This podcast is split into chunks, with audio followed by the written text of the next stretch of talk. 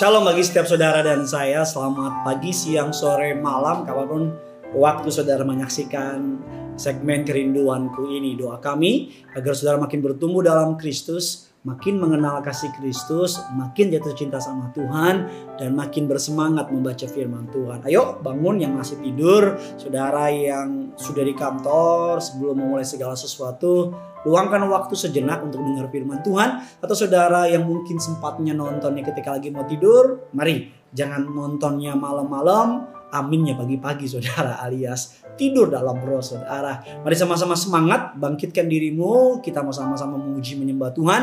Namun terlebih dahulu kita mau bersatu dalam doa. Tuhan yang baik, Tuhan yang kami sembah dalam nama Tuhan Yesus. Betapa hati kami limpah dengan ucapan syukur. Kami mau siapkan hati kami sambut kebenaran firman Tuhan. Pakai hambamu untuk boleh menjadi seorang berkat.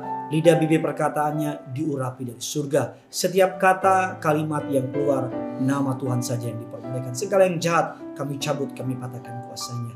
Di dalam nama Tuhan kami Yesus Kristus Allah Roh Kudus bergeraklah, beracaralah masuk ke dalam setiap rumah, ke dalam setiap pribadi, ke dalam setiap keluarga. Biar let your name be glorified. Biar namamu yang dipermuliakan, namamu yang diagungkan sampai selama-lamanya. Setiap kita yang percaya sama-sama kita katakan amin. Menajamkan sesamanya, menajamkan sesamanya. Amsal 27 ayat yang ke-17 mengatakan demikian. Besi menajamkan besi, orang menajamkan sesamanya. Jika tidak ada besi yang lain, besi tidak akan pernah tajam. Jika tidak ada orang lain, karakter kita tidak akan pernah terbentuk. Tanpa kita sadari, karakter kita selalu diasah, dibentuk, atau dipertajam oleh orang-orang sekitar kita. Penulis Amsal 27 ini dipercaya adalah Raja Salomo. Raja ini percaya bahwa kawan yang baik dapat saling menajamkan satu sama yang lain. Ia mengakui bahwa hubungan atau gesekan logam dengan logam atau manusia dengan manusia akan menghasilkan kehidupan yang lebih baik. Ia juga percaya bahwa hubungan yang buruk atau persahabatan yang buruk atau teman-teman yang buruk akan melukai kita. Gampangnya begini, pada akhirnya kita adalah hasil dari persahabatan kita. Entah baik atau entah buruk. Seorang hamba Tuhan namanya John Chaston menjelaskan bahwa dalam kitab Amsal tersebar butiran-butiran kebenaran tentang bagaimana teman-teman mempengaruhi kita. Salomo mengajarkan bahwa kawan yang baik saling memperbaiki. Seorang kawan memukul dengan maksud baik, tapi seorang lawan mencium secara berlimpah-limpah. Malang sekali orang yang tidak mendapatkan luka yang menyehatkan dari seorang kawannya. Malang sekali kalau kita hanya punya teman yang memberikan sebuah kata-kata manis, ciuman yang berlimpah-limpah, tapi sesungguhnya niat jahatnya atau niat dibaliknya untuk menghancurkan kita. Ada beberapa karakteristik dari teman-teman kita yang yang mungkin omongnya keras, mungkin sikapnya keras, perkataannya keras. Tapi tahukah saudara, sering kali kita membutuhkan seorang teman yang memperkatakan bukan apa yang mau kita dengar, tapi apa yang perlu kita dengar. Seringkali kita membutuhkan seorang teman yang mungkin kelihatannya terlalu berterus terang, tapi sesungguhnya hatinya tulus. Persahabatan yang model demikian amatlah berharga. Kalau saudara mempelajari Alkitab, pembelajaran tentang hubungan tidak akan lengkap tanpa daftar perilaku yang yang dapat merusak sebuah persahabatan. Raja Salomo menuliskan sebuah daftar yang cukup menarik mengenai hubungan, mencakup gosip, bicara yang berlebihan, penggunaan uang secara tidak tetap, kemarahan, pengendalian diri, perilaku yang memuakan dan menjengkelkan dalam Amsal 16, Amsal 27, Amsal 19, Amsal 22. Bukan saja kita dibentuk oleh orang-orang yang baik, tapi kita juga dibentuk oleh orang-orang yang sulit, oleh orang-orang yang kelihatannya menjengkelkan. Terkadang kita protes sama Tuhan, Tuhan kenapa sih saya harus punya teman kayak dia? Tuhan kenapa sih saya harus ketemu sama orang model dia? Tapi tahukah saudara Tuhan tidak pernah salah menempatkan orang-orang di sekeliling kita. Dia tidak pernah salah menaruh orang-orang yang sulit, orang-orang yang menjengkelkan di sekitar kita. Saya teringat sebuah ayat dalam Hakim-Hakim 3 ayat yang pertama. Inilah bangsa-bangsa yang dibiarkan Tuhan tinggal untuk mencobai orang Israel itu dengan perantara mereka. Jadi tidak semua bangsa-bangsa yang ada di tanah Kanaan tanah perjanjian tidak semuanya dihabisi oleh Allah. Tapi beberapa bangsa dibiarkan hidup oleh Allah. Alkitab katakan inilah bangsa-bangsa yang dibiarkan Tuhan tinggal. Dengan perantara mereka, ya ini semua orang Israel yang tidak mengenal perang kanan. Yang kedua, maksudnya hanyalah supaya keturunan-keturunan orang Israel yang tidak mengenal perang yang sudah-sudah dilatih berperang oleh Tuhan. Kadang-kadang Tuhan membiarkan sebuah duri dalam perjalanan kita bukan karena dia nggak sayang sama kita. Kadang-kadang teman yang keras mengajarkan kita untuk bersikap berani. Kadang-kadang teman yang terus terang mengajarkan kita untuk tidak berpura-pura. Bahkan kadang-kadang teman-teman yang lembut, yang sabar mengajarkan kita tentang sebuah cinta, sebuah kesabaran, sebuah keluasan. Saya percaya walaupun kita dikelilingi oleh orang-orang yang berperan buruk, kita bisa belajar dari mereka.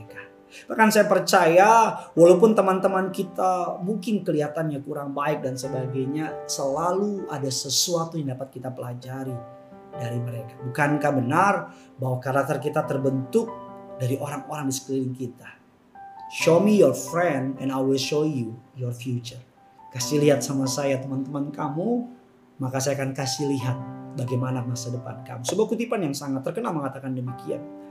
Jadi hari ini jangan protes mengapa Tuhan menempatkan orang-orang yang menjengkelkan dalam hidup ini. Mengapa si A jadi teman saya, mengapa harus ada si dia, si Tuhan dan sebagainya. Karena ada dua alasan mengapa Tuhan mengizinkan orang-orang yang kelihatannya menjengkelkan, menyebalkan. Yang pertama, untuk membentuk karakter kita.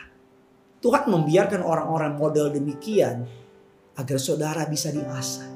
Maka saudara untuk mengasah suatu barang nggak selalu caranya lembut, kadang-kadang caranya keras. Yang kedua, jangan-jangan di mata orang lain justru kitalah yang menjengkelkan. Kita bilang, wah dia jengkelkan, wah dia nggak bener, wah dia nyebelin. Mungkin mereka bersikap menjengkelkan atau menyebalkan. Karena mungkin di mata mereka, saudara menjengkelkan.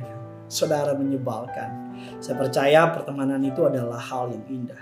Jadilah berkat bagi teman-teman saudara. Di saat yang bersamaan, kita juga dapat diberkati dengan pertemanan mereka. Saya percaya tanpa orang-orang yang sulit dalam hidup ini, karakter kita tidak akan pernah terbentuk. Benjamin Franklin mengatakan sebuah kutipan yang menarik. Pilihlah seorang kawan secara berhati-hati dan lebih berhati-hati lagi saat menggantinya. Pilihlah kawan dengan berhati-hati. Tapi lebih berhati-hati lagi saat menggantinya.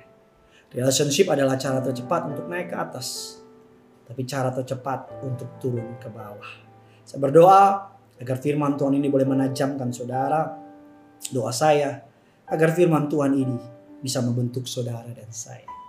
Bagikan kabar baik ini sebanyak mungkin. Agar bukan saudara yang diberkati, tapi makin banyak orang yang diberkati. Tulis kolom komentar di bawah. Kalau saudara punya teman yang saudara hargai, bilang sama dia, eh, thank you so much sudah menjadi seorang teman yang baik, teman yang setia. Kalau ada teman yang menyebalkan, doakan dia. Dan jangan lupa yang punya surga. Crazy love with you. Mari sama-sama kita datang sama Tuhan. Haleluya.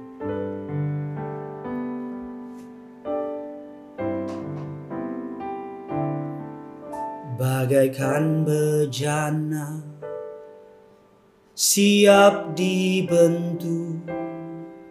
Demikian hidupku di tanganmu.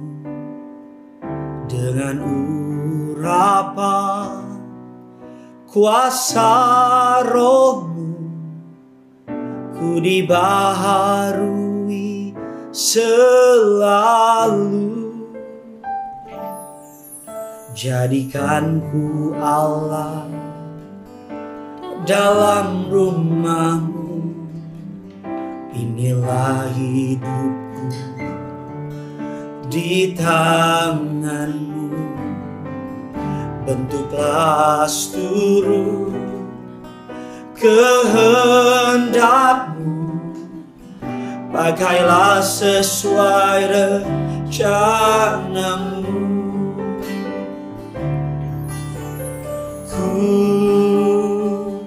mau sepertimu Yesus. Disempurnakan selalu. Dalam segenap jalanku memuliakan namamu Mari sama-sama kita datang sama Tuhan. Bagaikan bencana bagaikan bencana siap dibentuk. Demikian hidupku Tuhan. Di tanganmu di tanganmu. Dengan urapan kuasa rohmu ku dibaharui selalu. Jadikanku Allah jadikanku Allah dalam rumahmu. Inilah hidupku di tanganmu. Bentuklah seluruh kehendakmu pakailah sesuai rencanamu. Mari bawa hatimu bilang sama Tuhan. Ku mau sepertimu Yesus. Disempurnakan selalu. Dalam senap jalanku memuliakan namamu. Ku mau sepertimu Yesus. Disempurnakan selalu. Dalam segenap jalanku memuliakan namamu. Memuliakan namamu. memuliakan namamu